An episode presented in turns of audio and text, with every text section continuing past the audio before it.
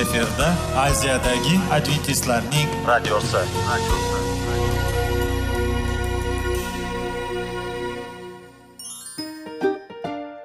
Assalomu alaykum aziz radio tinglovchilar. Sog'liq daqiqasi rubrikasiga xush kelibsiz. Zero tananing sog'lom bo'lishi va uning kasalliklardan saqlash har bir insonning burchi hisoblanadi. Inson uchun bebaho boylik bu sog'liq salomatlikdir. Uni asrash esa har birimizga omonat qilib berilgan. Shuning uchun ham inson o'z sog'lig'ini ehtiyot qilishi voajib amallardan hisoblanadi. Dono xalqimiz sog'liq tuman boylik deb bejiz aytmagan. Aql idroq sohibi bo'lgan inson o'z hayotini qadrlashi lozim bo'ladi. Hozirgi kunda qanchalik dori darmonlar ko'paymasin tibbiy muassa sifati shifokorlar vasiyasi tibbiy texnika yaxshilanmasin. Agar insonning o'z salomatligi haqida qayg'urmasa kutilgan natijaga erishib bo'lmaydi va biz sizlarga bizning dasturimizga xush kelibsiz deymiz.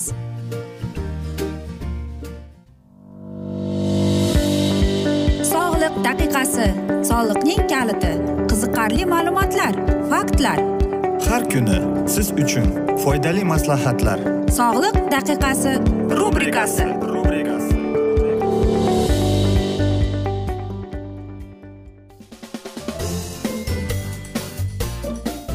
assalomu alaykum aziz radio tinglovchilar. Dasturimizga xush kelibsiz va biz sizlar bilan besh daqiqa sog'liq uchun deb atalgan dasturda xushvaqt bo'ling deb aytamiz va bugungi bizning dasturimizning mavzusi bu ruhiy ziqliqni davolash deb ataladi. Ruhiy ziqlikdan qiynalayotgan odam alohida yordamga muhtoj. Maxsus ta'lim olmagan tashabbuskorlarning bu xastalik bilan kurashayotgan inson hayotida aralashuvi shashqaloqlik va xavfli hatto bu aralashuv eng yaxshi istaklarga yo'rilgan bo'lsa ham deb. Bugungi kunda chuqur depressiyani davolashning bir qator usullari bor.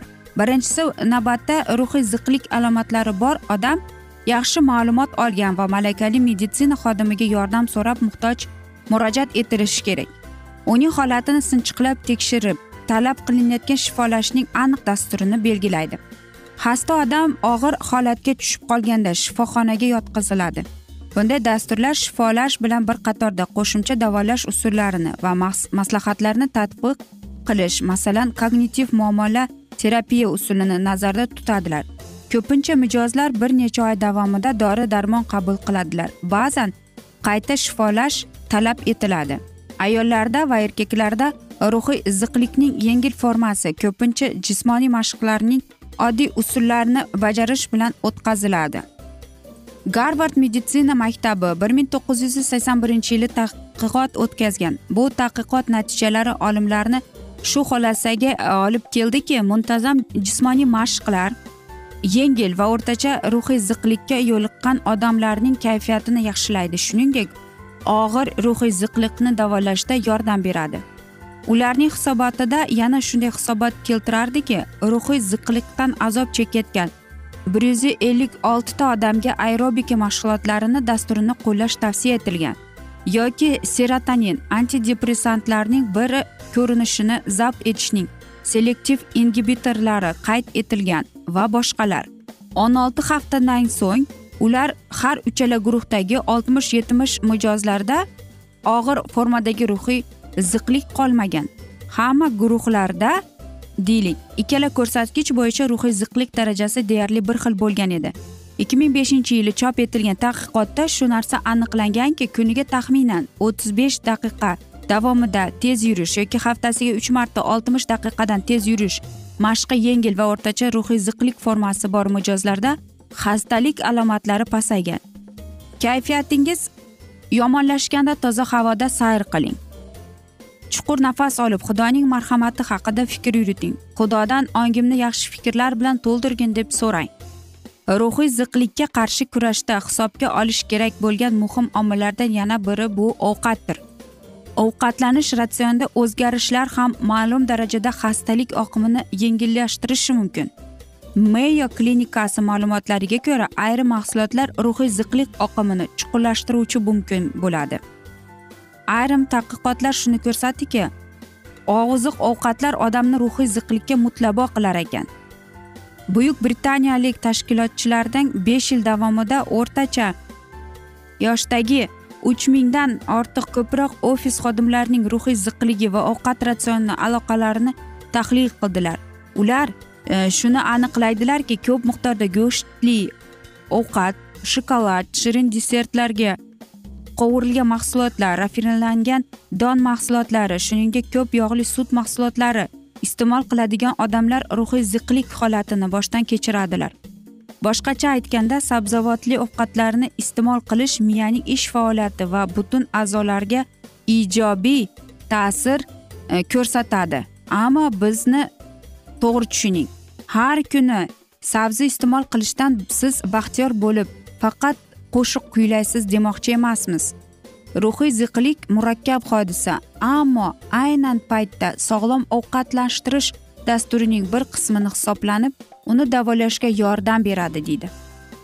Kuydagi hayot tarzi bilan bog'liq bo'lgan odatlar ruhiy ziqliqni davolashda va profilaktika qilishda ijobiy natijalar berishi mumkin. Sog'lom ovqatlarni iste'mol qiling. Sizning ovqat ratsioningiz muvozanlashtirgan va o'simliklardan tashkil topgan mahsulotlardan iborat bo'lsin. Uyquga va dam olishga yetarli vaqt ajrating. Ochiq havoda muntazam ravishda jismoniy mashqlar qiling. Oilangiz va do'stlaringiz bilan mazmunli munosabatlar o'rnating. Sizni sevadigan samoviy otangiz qudratiga va marhamatiga ishoning. Fikrlaringizni va e'tiboringizni ijobiy imkoniyatlarga va yaxshilikka qarating agar o'zingizda uzoq vaqtdan beri berish davom etib kelayotgan ruhiy ziqlik alomatlarini sezsangiz e, mutaxassislarga murojaat eting va shifolash dasturiga rioya qiling. Ruhiy ziqlikka qarshi kurashda xudo bilan terang ruhiy muloqot bilan bir qatorda asabiy holatlarda to'g'ri munosabatda bo'lishingiz kerak. Oldingi bobda biz asabiy vaziyatlarni boshdan kechirgan muqaddas kitob payg'ambarlar haqida o'qib eshittirgan edik. Hattoki qarangki shoul ilyos sulaymon ham mana shunday kasallikka ular e, ruhiy ziqlikka tushadi. Ana shunday qaltis e, lahzada xudo ilyosga deyapti non va suv yuborgan. Oxir oqibatda ilyos umidsizlik zindonini tark etib quyosh nuridan va egamizning ishtirokidan bahramand bo'ldi. Har bir odam murakkab hayotiy vaziyat oqibatida kelib chiqadigan ruhiy ziqliqdan azob chekadi. Bunday lahzalarda biz xudoning yordamiga umid qilishimiz mumkin deymiz. Aziz do'stlar biz esa bugungi dasturimizni yakunlab qolamiz chunki vaqt birozgina chetlatilgan lekin keyingi dasturda albatta mana shu mavzuni yana o'qib eshittiramiz. Va biz sizlarni salomat klub internet saytimizga taklif qilib qolamiz yoki e, whatsapp orqali davom ettirishimiz mumkin suhbatimizni plyus bir uch yuz bir yetti yuz oltmish oltmish yetmish umid qilaman bizni tark etmaysiz deb chunki oldinda bundanda qiziq bundanda foydali dasturlar kutib kelmoqda sizlarni deymiz. Aziz do'stlar biz sizlar bilan xayrlashar ekanmiz. Sizga va oilangizga tinchlik totuvlik tilab o'zingizni va yaqinlaringizni ehtiyot qiling deymiz.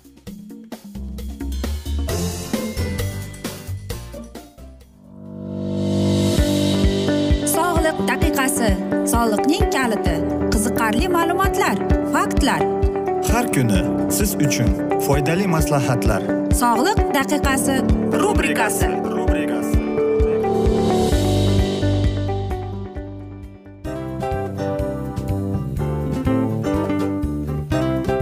Mana ha hayotda hamma narsaning yaxshi narsalar tugaydi va yakunlaydi degandek bizning dasturimizga ham yakun keldi. O'ylaymanki bizning dasturimiz sizga foydali bo'ldi deb aziz radio tinglovchimiz. Va siz o'zingiz uchun kerakli xulosalar kerakli maslahatlar olib oldingiz. Aziz radio tinglovchimiz biz bilan qoling va keyingi dasturlarimiz albatta undanda qiziqroq bo'ladi.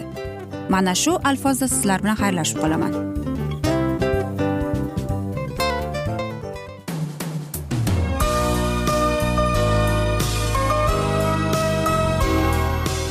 Efirda aziyadagi adventistlarning radiosi. Radiosi.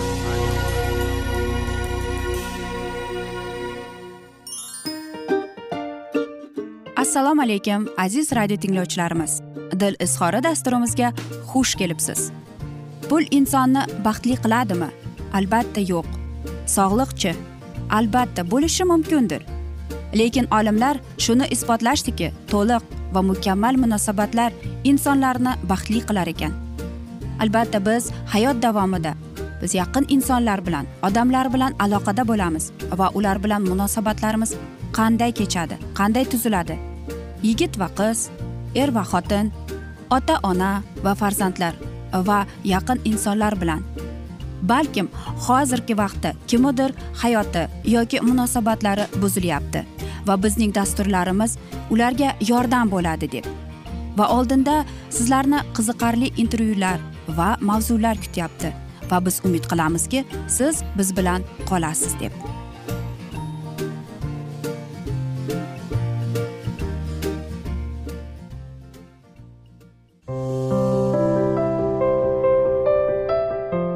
Kuni har xil kasbdagi odamlar bilan sirlashish va bo'lishish sevgi rashq munosabat bularni hammasi dil izhori rubrikasida.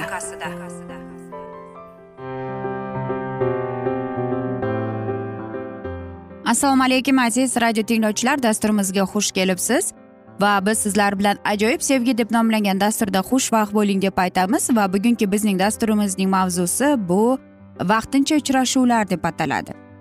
Bilasizmi bu pog'onalarda ikki guruhga bo'linadi.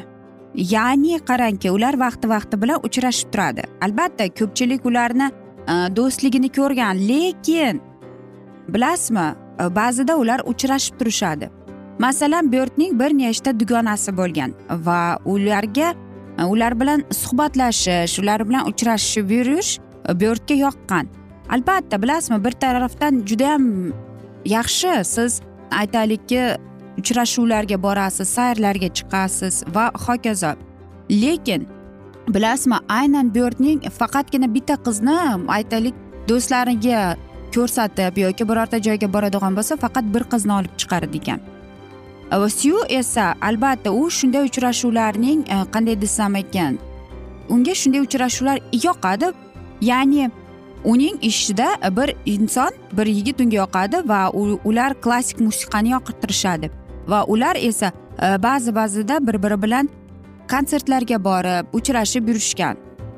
Yoki lekin na syu na bert hech qachon ular e, mana shu uzoq muddatli munosabatlarni ko'zga keltirmagan ekan. Chunki ular ikkalasi ham faqatgina o'zlarini o'ylab va hech qanday niyati yo'q e, jiddiy niyati yo'qligini ko'rgan. Va albatta ular ikkalasi ham o'zlarining e, mana shu aytaylikki ikkinchi mana insoniga to'g'risini aytardi ekan. Ikkinchi pog'onada esa shunday guruh odamlar borki ular uchrashadi chunki ularda umumiy qiziqishlari bor va ularning bir biridagi bo'lgan e, suhbatdoshligi ular bir biri bilan e, vaqtini yaxshi o'tkazganligini ular e, biladi. Shunday uchun bor e, va ularning e, mana shunday suhbat davomidagi bo'lgan munosabatlar bir biriga yaxshi narsani keltiradi.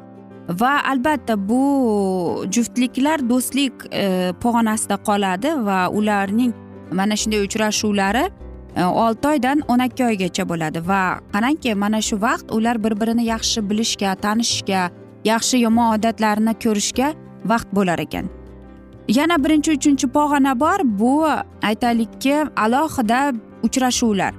Bu qaysidir bir vaqtda ular bir biridagi bo'lgan qiziqishlarini tushunib yetadi va ular ko'p vaqtini mm, birga o'tkazadiyu. Lekin mm, aytaylikki ular har doim ham ko'rishmaydi. Faqat vaqti vaqti bilan. Uni biz e, aytaylikki e, ajoyib va mas'uliyatli uchrashuvlar deb atadik. E, yana bir e, pog'ona bor. Bu har doimgi doimgi uchrashuvlar deb ataladi. Bunda aytaylikki bunday ahamiyatda mana shu pog'onaga ko'proq birozgina yigirmadan oshganlar ko'p e'tibor beriladi. Chunki ular e, mana shu pog'onada bir biriga yaxshi qarab e, ular savol beradi. U o'zini aytaylikki e, odamlarni oldida jamiyatda qanday tutadi oila qurishda qanday bo'ladi o'zidagi mana shu muammolar paydo bo'lsa o'zini qanday yechimlarini topadi deb shunday savollarni beradi va albatta u Э, mana shu ikkinchi inson bilan uchrashganda uni o'rganib chiqishga sinchiqlab qarab chiqib unga baho berishga harakat qiladi. Yana bir e, pog'ona bor. Bu albatta aytaylikki ular to'ydan oldingi bo'lgan unashtiruv bo'ladi va shuni e, unashtiruvda bular albatta bu unashtiruvni ular e'lon qilganda va ular mana shu vaqt ichida to'y bilan unashtiruvning to'y oralig'ining vaqtining ichida ular bir birini tanishib ular bir biri bilan e, aytaylikki qanday e, hayot davomida ularning kelajagi haqida o'ylaydi. Va bilasizmi aytamizki balkim to'g'ridir balkim noto'g'ridir lekin shu e, o'zidagi agar sizda unashtiruv bo'lsa undan ko'ra psixolog yoki cherkovga borsangiz cherkovdagi ana shu voiz bilan pastor bilan suhbatlashib undan maslahat olganingiz yaxshi deymiz. E, yana bir e, mana shunday pog'ona bor uni biz unashtiruv deymiz bu ofitsial holatda ya'ni bu qanday desam ekan oldingi unashtiruv bu shunchaki ya'ni balkim qachondir to'yimiz bo'lsa degan so'zlar bo'ladi. Bu yerda esa unday emas bu yerda e, yigit ham qiz ham aniq yaxshi biladiki nimani xohlashadi. E, va aytaylikki mana shunday unashtiruvdan oldin yigit va qiz ikki yil bir biri bilan uchrashib yurgan va ular bir birini yaxshi biladi va o'ylaydiki men turmushga tayyorman turmush qurishga oila qurishga deb o'ylaydiki ular shunday. Va har bir e, oilada har bir juftlik psixolog aytadiki ular konsultatsiyadan o'tishga e, loyiqdir deb. Psixolog konsultatsiyasidan o'tishga yaxshi deb aytadi. Chunki o'shandagina ular bir biriga ishonadi bir biridagi Э, borgan kamchiligini yaxshi tomonini biladi. Э, va oilaning mustahkamligi aynan mana shundan kelib chiqadi deydi. Va albatta aziz do'stlar bu yaxshi. Biz qandaydir bir pog'onalar haqida suhbatlashdiku lekin ko'pchilik aytishi mumkin. Lekin bu e, faqatgina kitobda yoki e, boshqacha deb hayotda boshqacha bo'ladi. Eng asosiysi hammasi sizning qo'lingizda. Boshqasini uni ahamiyati yo'q. Shuning uchun ham yoningizda sevgilingiz bo'lsa bir biringizni hurmat qiling seving deymiz. Biz esa mana shunday asnoda bugungi dasturimizni yakunlab qolamiz chunki vaqt birozgina chetlatilgan lekin keyingi dasturlarda albatta mana shu mavzuni yana o'qib eshittiramiz. Yoki biz sizlar bilan suhbatimizni whatsapp orqali davom ettirishimiz mumkin. Bizning whatsapp raqamimiz plyus bir uch yuz bir yetti yuz oltmish oltmish yetmish. Aziz do'stlar va men umid qilamanki bizni tark etmaysiz deb chunki oldinda bundanda qiziq va foydali dasturlar sizni kutib kelmoqda deymiz. Biz sizlarga va oilangizga tinchlik totuvlik tilab va albatta seving seviling deb xayrlashib qolamiz.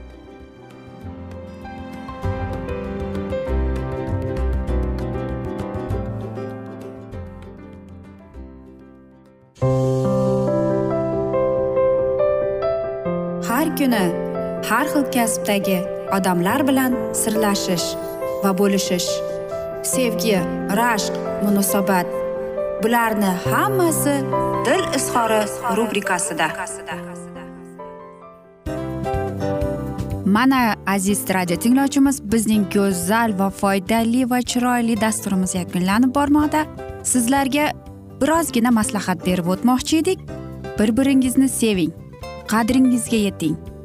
Va erkalang albatta bir biringizni va sizga judayam chiroyli va mustahkam munosabatlar tilab qolamiz albatta. Sevgilingiz doimo yoningizda bo'lsin. Mana shu borada sizlar bilan xayrlashib qolamiz. Xayr.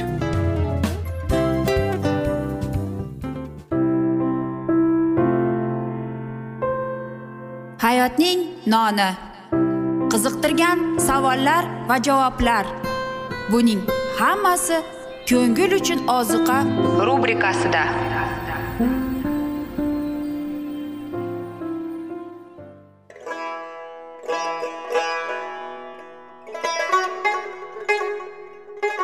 Assalomu alaykum aziz radio tinglovchilarimiz. Ko'ngil uchun oziqa rubrikasida xush kelibsiz deymiz. Siz haqiqatni izlayapsizmi? Olamnimi? Umidnimi? Siz kimga murojaat qilmoqchisiz? Odamlar ko'pincha siyosat kuchiga tayanadilar. Dunyo iqtisodiyoti holati tobora chuqurlashib bormoqda. Tabiiy ofatlar va texnogen halokatlar minglab insonlarning hayotini olib ketib juda katta zarar yetkazmoqda. Sizga abadiy hayot inomini hadya qiluvchi va hayotingizni tubdan o'zgartiruvchi haqiqatni izlab toping. Xudo haqidagi haqiqat uning kalomida mujassamlashgan. Kimki bu haqiqatni butun qalbi bilan izlasa albatta unga yetishadi. Bu sevgi xudoning tarixidir. Hayotingizda yoki sizning yon atrofingizdagi olamda nimalar yuz berishidan qat'iy nazar? Siz ertagi kunga buyuk umid va ishonch hosil qilishingiz mumkin. Hozirda xudo sizga taklif qilayotgan umid ishonchga o'z qalbingizni oching va sizni qiziqtirayotgan mavzularni savollaringizga javoblaringizni topib olasiz deb umid qilamiz. Biz bilan qoling.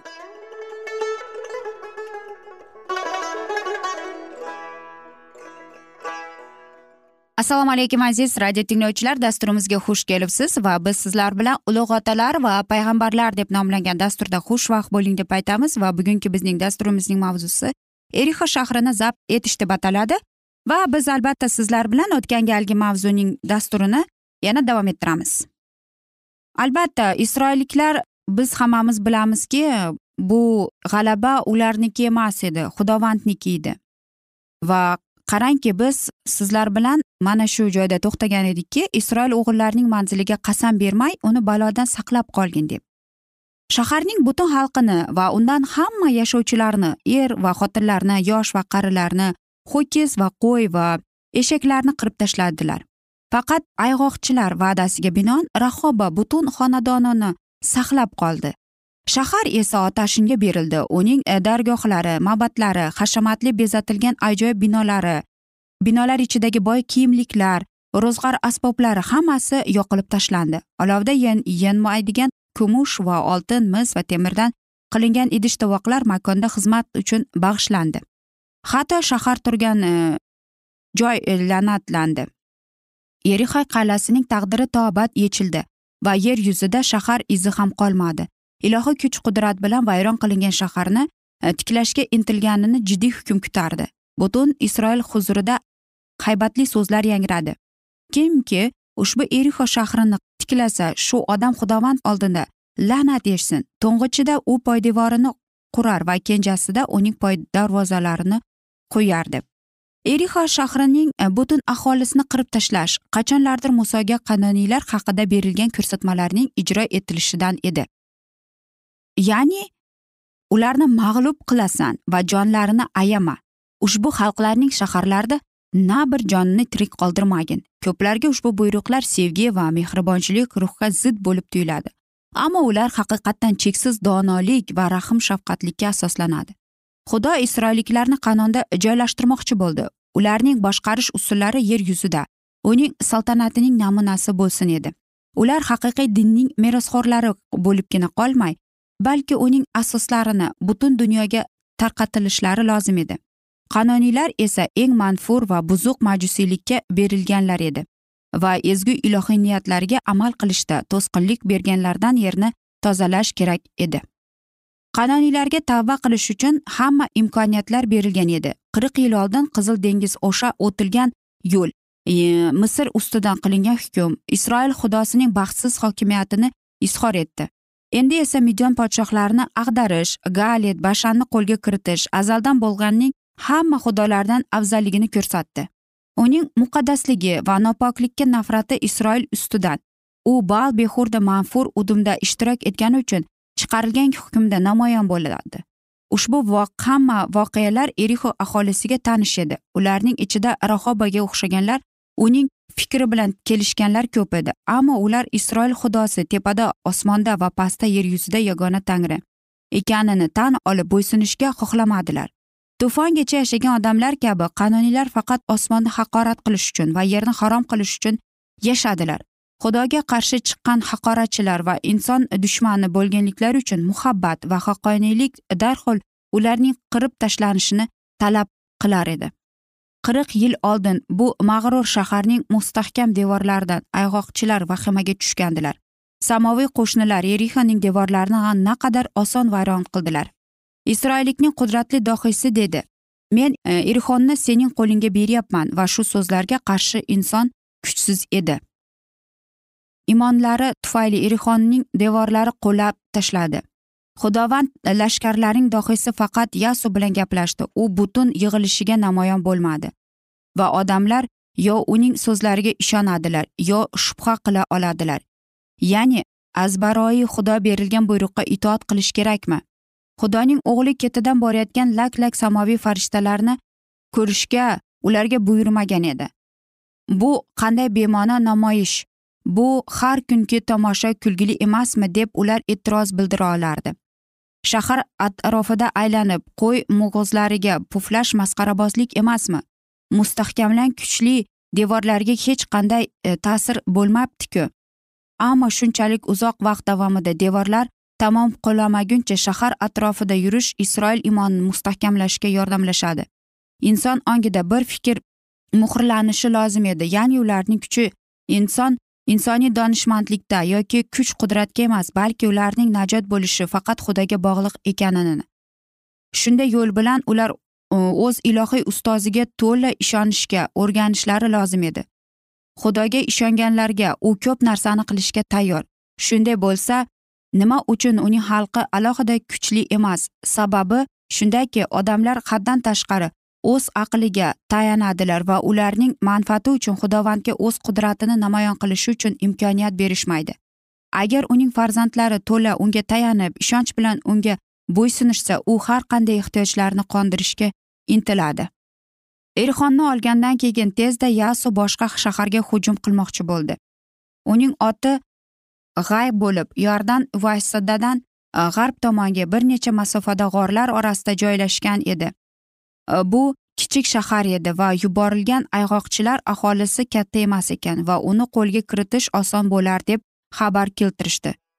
Xudoga tegishli bo'lgan porloq g'alaba isroilliklarni faxrlantirib yubordi. Xudo ularga qanon yerini e, va'da berdi deydi.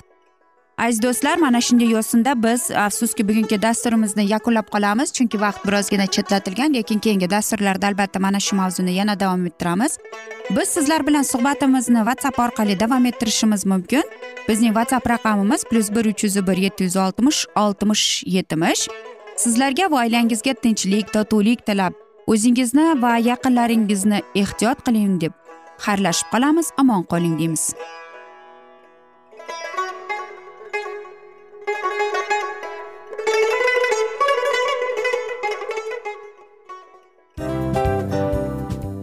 Afsus afsus. Hamma yaxshi narsaning ham yakuni bo'ladi degandek bizning foydali va qiziqarli dasturlarimiz ham yakunlanib qoldi. Va men umid qilamanki bizning dasturlar sizga ozgina bo'lsada maslahat berdi foyda berdi. Va sog'liq borasida ayniqsa sizlarga foydali bo'ldi deb. Va siz bizning maslahatlarga amal qilasiz deb. Albatta keyingi dasturlarda undanda qiziqroq undanda foydaliroq ma'lumot berishga harakat qilamiz. Undanda qiziqroq ko'rsatuvlar sizlarga hadya etishga harakat qilamiz. Bizni tanlaganingizga albatta sizlardan minnatdormiz. Sizlarga baxt omad va sog'liq tilab qolgan holda mana shu alfozda sizlar bilan xayrlashib qolamiz. O'zingizni ehtiyot qiling sog' bo'ling omad sizga xayr.